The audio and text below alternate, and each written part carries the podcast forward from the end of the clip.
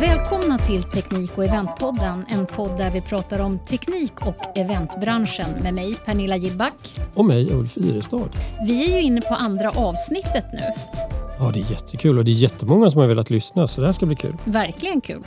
Idag ska vi prata om en företeelse som är tillbaka efter att i stort sett ha legat nere under pandemin, nämligen utlandsjobben. Ulf, hur gick det med ditt pass förresten? Ja, prata inte om det. Jag upptäckte att mitt pass hade gått ut och jag var tvungen att åka flera mil för att hitta en passpolis som kunde ta emot mig. Det var kö överallt. Ja, det har ju blivit rusning sen man släppte på restriktionen och alla ska ut och resa. Ja, det är säkert jättemånga som har missat att passen tar slut för många nu. Ja, och ni på Primetech ni ska ut i världen och jobba för första gången på länge nu. Ni ska till MIPIM-mässan i Cannes, Frankrike. Ja. Vad är MIPIM? MIPI-mässan det är en, en eh, fastighets och utvecklarmässa där eh, fastighetsutvecklare ställer ut för att eh, locka till sig investerare. Så det är en årlig mässa i Cannes som sagt. Är det folk från hela världen som kommer dit? eller? Ja, det är det. Mest Europa kanske, men absolut hela världen. vad gör ni där då? Vi sköter all teknik i en monter för ett, en svensk region. Så och det har vi gjort nu, jag tror, jag kommer inte ihåg exakt, men det är nog tolfte året. Tror jag. Eh, fast förra året blev det inget va? Eller? Nej, förlåt. Såklart. Det, nej. Det vart en paus där på grund av pandemin. Ja, usch. Ja, men hur känns det då? Är det lite så här ringrostig på resor? Ja, det kan man väl säga. Lite rostig, men, men eh, jag har gjort det så många gånger. Det känns mest härligt faktiskt. Ska det bli kul? Ja, det ska bli jättekul. Nu, nu, vi ska ju prata med någon mer om utlandsjobb. Vem är det vi ska ringa upp? Idag ska vi ringa upp Jonny Nygård som är min eh, kollega och VD på Primetech. Eh, och som har gjort eh, många stora projekt genom åren. Bra, då ringer vi upp honom.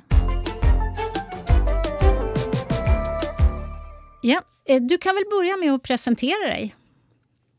Ja, jag heter Jonny och eh, jobbar som VD på Primetech Sweden AB. Och sen har du jobbat några år på kundsidan också va? Ja, det stämmer. I närmare bestämt 16 år. Vad har du för erfarenhet av utlandsjobb då? Ja, jag har väl ganska många erfarenheter utomlands eftersom de kunder som jag hade på kundsidan, de var ju globala. Eh, så vi har gjort mycket jobb utomlands. Det har ju liksom varit lite tomt på den sidan nu, så kommer du tillbaka. Hur känns det när det börjar öppna sig igen? Ja, jätteroligt. Det är alldeles fantastiskt. Det känns som, det känns som att det, de jobben både utvecklar ju och utmanar. Och det har vi saknat. Hur då menar du? Jo, men det har ju... Alltså, de jobben som reser utomlands, de är ju... Det är stort fokus på de jobben. Både från kunden och från oss såklart. Och man blir ett tajt team. Eh, och sen är det ju svårare. Alltså det är svårare att göra ett jobb utomlands. Och i och med det så är det större utmaningar och, men även större belöningar i det. Precis. Vad är, det, vad är det för utmaningar som finns utomlands som inte finns hemma, skulle du säga? Ja, det är ju flera såklart, men en av de största tycker jag ändå är kulturskillnader. Och det krävs några jobb för att på något sätt lära sig vilka kulturskillnader som finns i olika länder. Eh, och sen förväntansgraden är ju också större hos eh, kunden. De satsar ju mycket pengar och på att flyga dit sina eh, gäster och allting måste vara verkligen 100% Och det man packar hemma, det går inte att åka hem och hämta en skarvsladd. Nej, precis. Hur, hur, hur funkar det? Liksom? Hur funkar det med alla transporter, allt, du har med, allt man har med sig? Ja, jag tror att det, vi brukar skoja om det internt att det är nästan lättare på sätt och vis att göra ett jobb utomlands eh, än om man gör det eh, 200 meter från sin egen firma. För då är man mer noggrann. Eh, man har verkligen benkoll på vilka grejer man har med sig. Men sen det som är den stora eh, grejen tycker jag, det är att man har stämt av kundförväntan mot eh, alltså leveransen hundraprocentigt. Så att det finns en liksom det finns en samstämmighet mellan vad kunden förväntar sig och vad vi faktiskt tar med oss. Blir det liksom det blir... mindre av det där att kunden eh, ändrar om och tänker liksom ganska sent i processen, men kan vi inte göra så här istället? Kan vi inte... Ja, det är olika beroende på hur man har projekterat jobbet, men, men jag skulle säga att i, i de jobb som jag får möjlighet att vara med på så har vi lyckats hålla det till att det blir, det blir absolut inga ändringar. Hur ser du på det Ulf? För, Nej, men jag, jag vill bara fylla i. Jag, och du är, är otroligt duktig på det. Just att, att um, hålla förväntan um, i, um, Eh, tillsammans med kunden. Att, de, att, att den är samstämmig med vad vi ska leverera. Och på något sätt så, så, så får det att funka även i, i hemma. Men jag tänker på det du får lite automatiskt med ett utlandsjobb. Det är ofta längre ledtider. Man måste ha bokat lokalen kanske ett halvår eller ännu längre innan. Så att du får den tiden att skapa den eh, samstämmigheten i, i förväntan. Ja, jag håller med.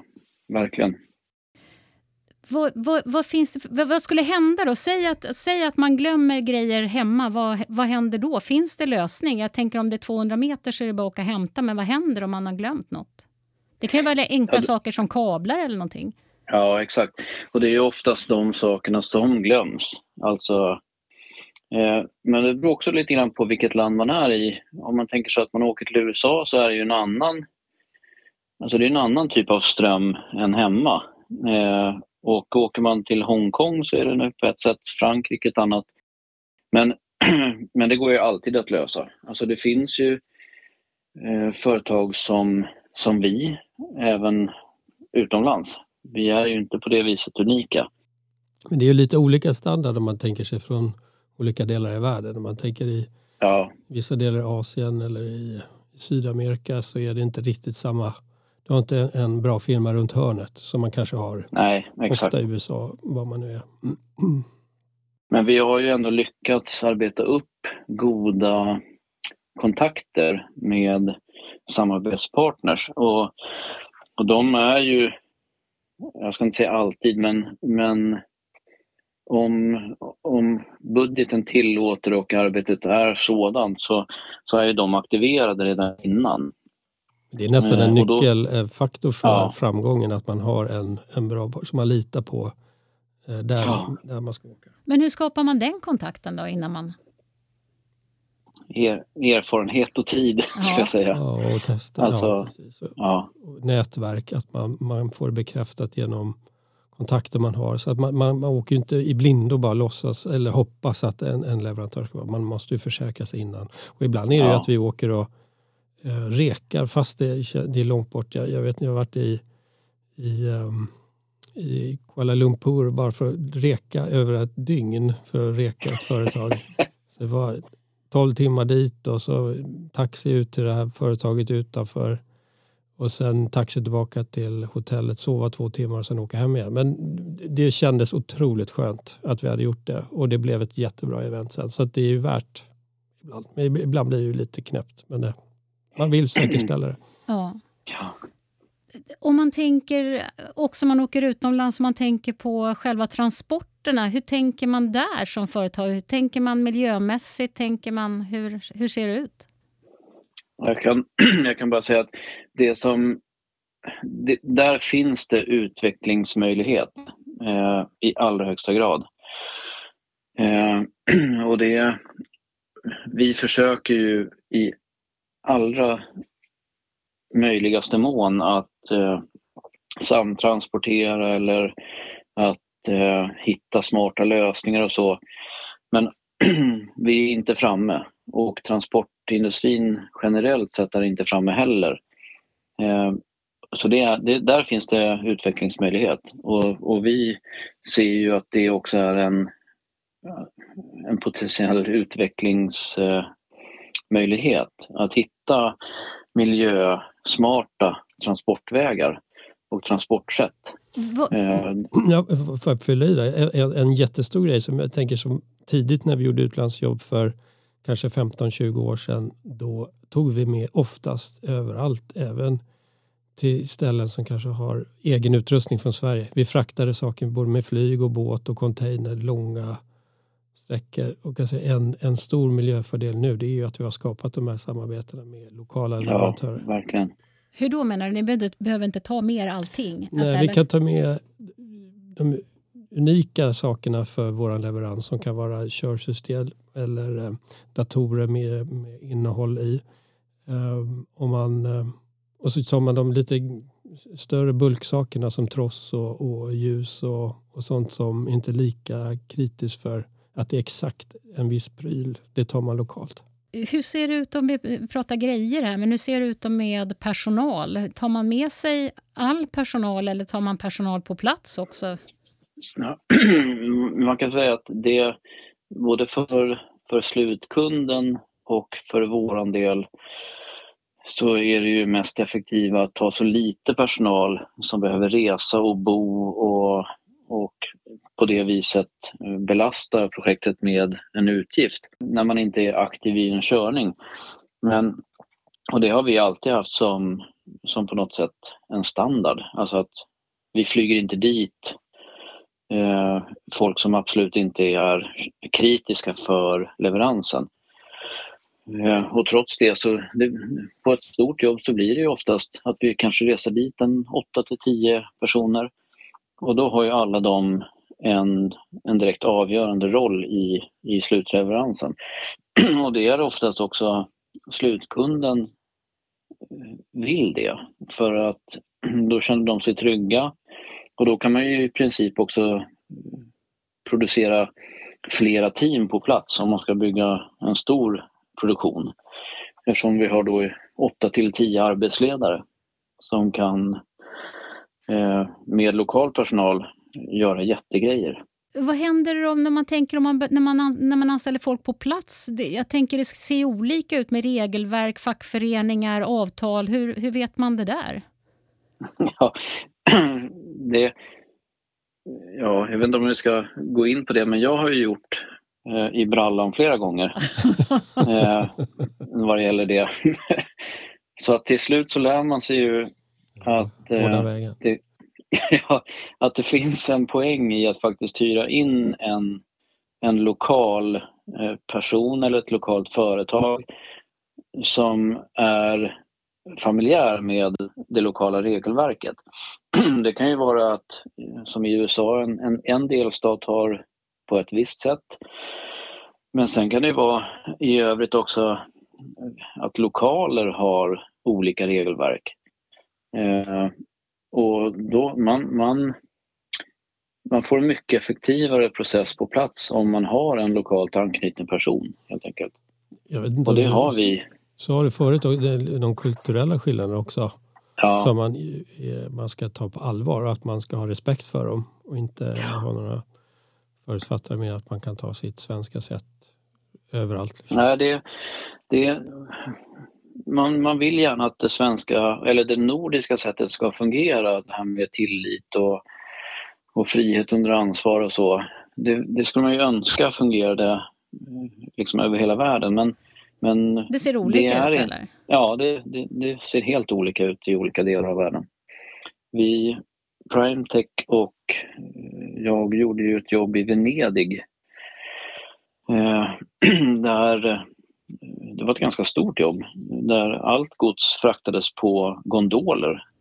till, Tjusigt! Till, ja, och då hade vi ju väldigt mycket lokal arbetskraft inhyrd från Italien och då hade vi också en italienare på plats som dels pratade deras språk, eh, både rent grammatiskt men även fysiskt. Just alltså de är ju väldigt fysiska i sitt språk. Och det funkar inte att vara snäll, artig och vänlig nordbo eh, just där. Men det funkade väldigt bra när den här italienaren tilltalade dem. Då blev saker och ting gjorda så veckans tips. Den här gången om utlandsjobbet. Ett, eh, och som jag tror eh, är det viktigaste, i alla fall för mig, det är ju att stäm av så förväntan, kundförväntan och leverans är likadana. Alltså det finns ett lika med tecken innan man reser. Det ska inte finnas frågetecken eller eh, oklarheter där. Eh, har man lyckats med det, då, då har man liksom tagit bort väldigt många eh, orosmoment. Eh, och det andra är att skapa en relation med någon som är lokalt anknuten som, som man litar på. Alltså det kan vara en person eller ett företag eller eh, men ha någon som kan eh, hjälpa i processer med fackligt anslutna företag eller mässhallar eller, eller vad som helst. Men eh, det tredje, ja. Glöm inte att tidsskillnad kan vara jobbigt. Det är väl, det är väl de tre. Tusen, tusen tack. Om man tänker nu då, så här, om vi lämnar lite de här trevligheterna och tänker i, så här i krigstider. Hur tänker, nu åker ni till Frankrike. Tänker man något speciellt på, på utlandsjobben? Ja, vet du, jag tänkte på det idag. Eh, för jag ska av en ren privat anledning åka till Finland. Och det där har ju varit lustfyllt för mig i alla år att åka dit. Men, men nu, är, nu tänkte jag på det idag på vägen hem att det kanske inte var det smartaste beslut jag har tagit i mitt liv. Eh, och det där tänker jag mycket på eh, i våra jobbsituationer också. Mm. Eh, framförallt vad det gäller det här utlandsresandet. För nu är ju Fast jag helst skulle jag bara vilja blunda och inte se det. Men, mm. men det kommer ju att få följder för vår bransch. Den här oron som finns i världen. Mm. Ja, ja, visst. Och jag tänker, bara, jag tänker bara på att ge mig upp i ett flygplan just nu. Ulf, du ska snart resa till Cannes. Tänker du på det? Att det, liksom, det där med att upp i luften liksom? Jo, jo men det gör man. Men det man får, eh, jag, jag, jag, känner inte att riskerna är så stora just i Frankrike men det är klart att oron, eller tanken finns där. Jag kan inte säga att jag är jätteorolig ja, men den tanken finns där. Ja, en, en tanke som, som aldrig någonsin tidigare har funnits. Mm, eh, har liksom på något sätt slagit rot. Eh, och, och, det är ju jättekonstigt. Mm. Jag vet inte om man ska ta paralleller. Just med pandemin hade ju en en eh, inverkan på allt resande att, att inte, det gick inte och man fick inte. Eh, och det har ju skapat också att företagen har skapat andra sätt att nå sina kunder eller nå eh, ut. Och, och så kommer det här. Jag tror att vi är inne i ett skifte att företag kommer hitta nya vägar. Kanske inte alls kommer att resa på samma sätt som de har gjort innan. Kanske redan vid pandemin och så kommer det här med kriget också. Så att, vi får nog vara beredda på att det har förändrats.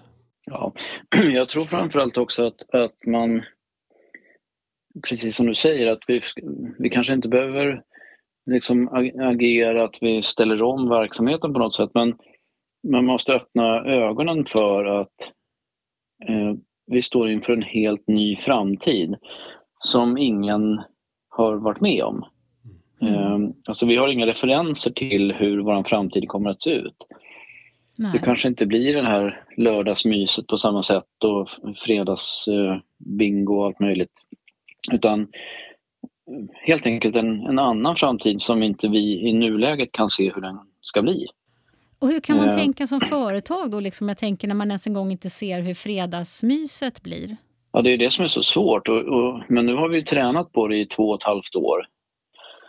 Att, eh, att vi inte har en aning eh, hur, hur vår tillvaro ska se ut mm. nästa vecka. Och att det kan med, förändras ganska snabbt ja, också. Att vi, exakt. För, att man, ja, precis, att den parametern finns, den har inte riktigt funnits. Man har hela tiden haft de här cyklerna. Hur, ja, det är mycket utlandsjobb på hösten och, och, ja, och allt det där. Precis. Så har man liksom tänkt rörelsen efter det. Liksom. Så är det. Ja, och hela den, hela den verksamhetscykeln har ju nu liksom på något sätt i början så var vi ju lite i ett chocktillstånd eh, när den här pandemin slog till och gjorde att den verksamhet som vi hade hållit på med, ja, och du får ju rätta mig om jag är fel, men sedan 90-talet, eh, den, den ställdes på ända. Alltså det som vi hade hållit på med mest, det, den affärsgrenen försvann och vi hade ju, jag, ska, jag skulle vilja säga skicklighet, men jag skulle vilja också säga att vi hade ganska stor tur att vi hade investerat i både kompetens och utrustning inom kameraproduktion eh, innan pandemin. Och då kunde vi ju bara ganska snabbt växla upp den grenen av företaget. Så att vi, vi var ju på den, det spåret inom någon vecka.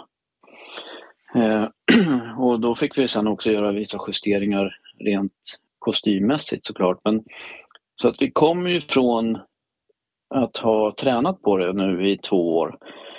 Och den här ovissheten om hur morgondagen ser ut, den är vi på något sätt vana vid. Och, och det är ju också så att vi genom det blir mycket mer lyhörda och alltså vi, vi blir inte så mycket så gamla, gamla farbröder som gör allt som de alltid har gjort. Utan Nej. vi lyssnar lite mer på omvärlden. Kan vara något nyttigt och, i det också? Ja, jag tror det. Eh, eller jag vill i alla fall se det så. Jag håller med. Eh, och jag tror att branschen som sådan också har ju varit väldigt, eh, jag ska inte säga ogranskad eller, men de köpare som finns idag, de är ju kunniga. De är extremt kunniga och extremt belästa och har ju haft eh, internet i hela sitt liv. Mm. De har, vet exakt vad saker kostar och exakt hur saker funkar. Mm. Eh, och så såg det inte riktigt ut i, i början av det här millenniet. Då var det, då var det lite mer att man litade på, på oss som att vi satt med, med all sanning. Vi blev Precis. väldigt sällan ifrågasatta. Det är så där tror jag att det är för många branscher. Även för läkare till exempel. Alltså, ja, menar, man kan jag, tror, ja. Jag tror att det är bra. Mm. Uh, ur, ur, ett liksom mänskligt perspektiv. Ja. Uh, sen så, ja, sen är man ju fortfarande, man är ju inte 40 längre så att man har ju svårt att, att bli, bli emotsagd utan någon som som har levt hälften så lång tid och ja, kanske, kan... kanske ändå har ganska bra koll. Ja. Ny verklighet det också. Men bara att du säger det så är det en eh, kvitto på klokhet. Ja, precis. Jag hoppas att, jag hoppas att, eh, att man ser det så. Men, men jag tycker att det är spännande. Jag har ju nu under dagen idag varit på eh, Vasateatern och förberett ett jobb inför imorgon. Eh, och eh, det är ju nu, i och med att restriktionerna är helt borta, mm. så skulle de ju kunna ha en, en live-föreställning bara. Mm. Men de har ändå kvar den här hybridtekniken. Mm. Eh, och där är det ju nu de som är våra kunder är ju ett gäng yngre förmågor som är extremt duktiga. Eh, och extremt kunniga köpare utav vår tjänst. Mm. Och, och jag blir väldigt glad över att, att nästa generation av eventköpare och eventproducenter de, de börjar på en väldigt mycket högre nivå än vad jag själv började på för 25 år sedan, mm. eller 20 år sedan. Så, det, så du, ser, du ser en ljus framtid i alla fall? Ja, ja, ja absolut. Ja. Det är bara så, så länge man kan slippa krig och elände och, ja. och, och sjukdom så... Alltså den, pandemin och, och nuvarande situation tror jag kommer att... Um, eller vad ska jag säga? Jag hoppas att den uh, renodlar eh, hela liksom, den här tjänste, sektorn. Alltså Hur menar det som du? vi levererar. Ja, men att, att vi som är kvar och vi som har lyckats liksom hålla igång en affär under de här extremt svåra produktion, eller de här svåra åren som Mm. har varit produktionsmässigt. Vi, vi är ju bevisligen duktiga. Det finns ju många fler än vi som har, har lyckats. Ja. Eh, och då måste vi ha någonting som faktiskt kunden behöver. Mm. Eh, och jag tror att det är en, det, det är en sund utveckling eh, och det behövdes nog ja. faktiskt. Liksom den här lilla, Nyttigt med en skjuts ibland, liksom, att man tvingas Ja. tänka till och tvingas tänka om och tvingas... Det, det var någon som, jag kommer inte ihåg vem det var som sa det, men, men eh, en organisation eller en, en, eh, en situation eller en världs brister Ja. eh, accelereras bara i en kris. Eh, Ja. det, ska, det skapas inte brister utan de blir bara mer synliga snabbt i, i en kris. Och, och det bevisligen har ju, har det ju varit så för väldigt många och, och för oss också. Nu är vi starkare än vad vi var innan skulle jag säga. Ja, vad djup, djupt samtal vi kom in på.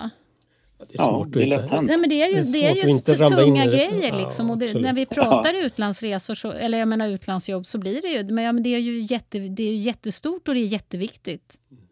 Allt Ja, påverkas ju av den här situationen. Alla, eh, Ja. inte bara vi. Utan. Nej, men eh, vi får nästan ta och avrunda där. Men Ja, tusen tack för samtalet. Jättetrevligt. ja tack detsamma. Så hörs vi. Ja. Säger vi tack. Tack så mycket. Vi ses i ett annat avsnitt hoppas jag. Ja, tack så mycket. Men, eh, och nu lägger jag då på. Det gör du. Rätt i. tack så mycket. Ja, det gör du. Och vi med. Bra. Ja, Tack. trevlig kväll. Ja, Detsamma. Tack. Hej. Hej, hej. Tack för att du har lyssnat på Teknik och eventpodden. En podd som sponsras av Primetech Sweden AB. Musiken till podden har Kalle Tunnell gjort. Han finns på karltunnell.com. Har du tankar på ämnen vi borde ta upp eller personer vi borde prata med? Hör gärna av dig till mig på pernilla.gillback.icloud.com. Annars så hörs vi i nästa avsnitt och gå gärna in och prenumerera på podden.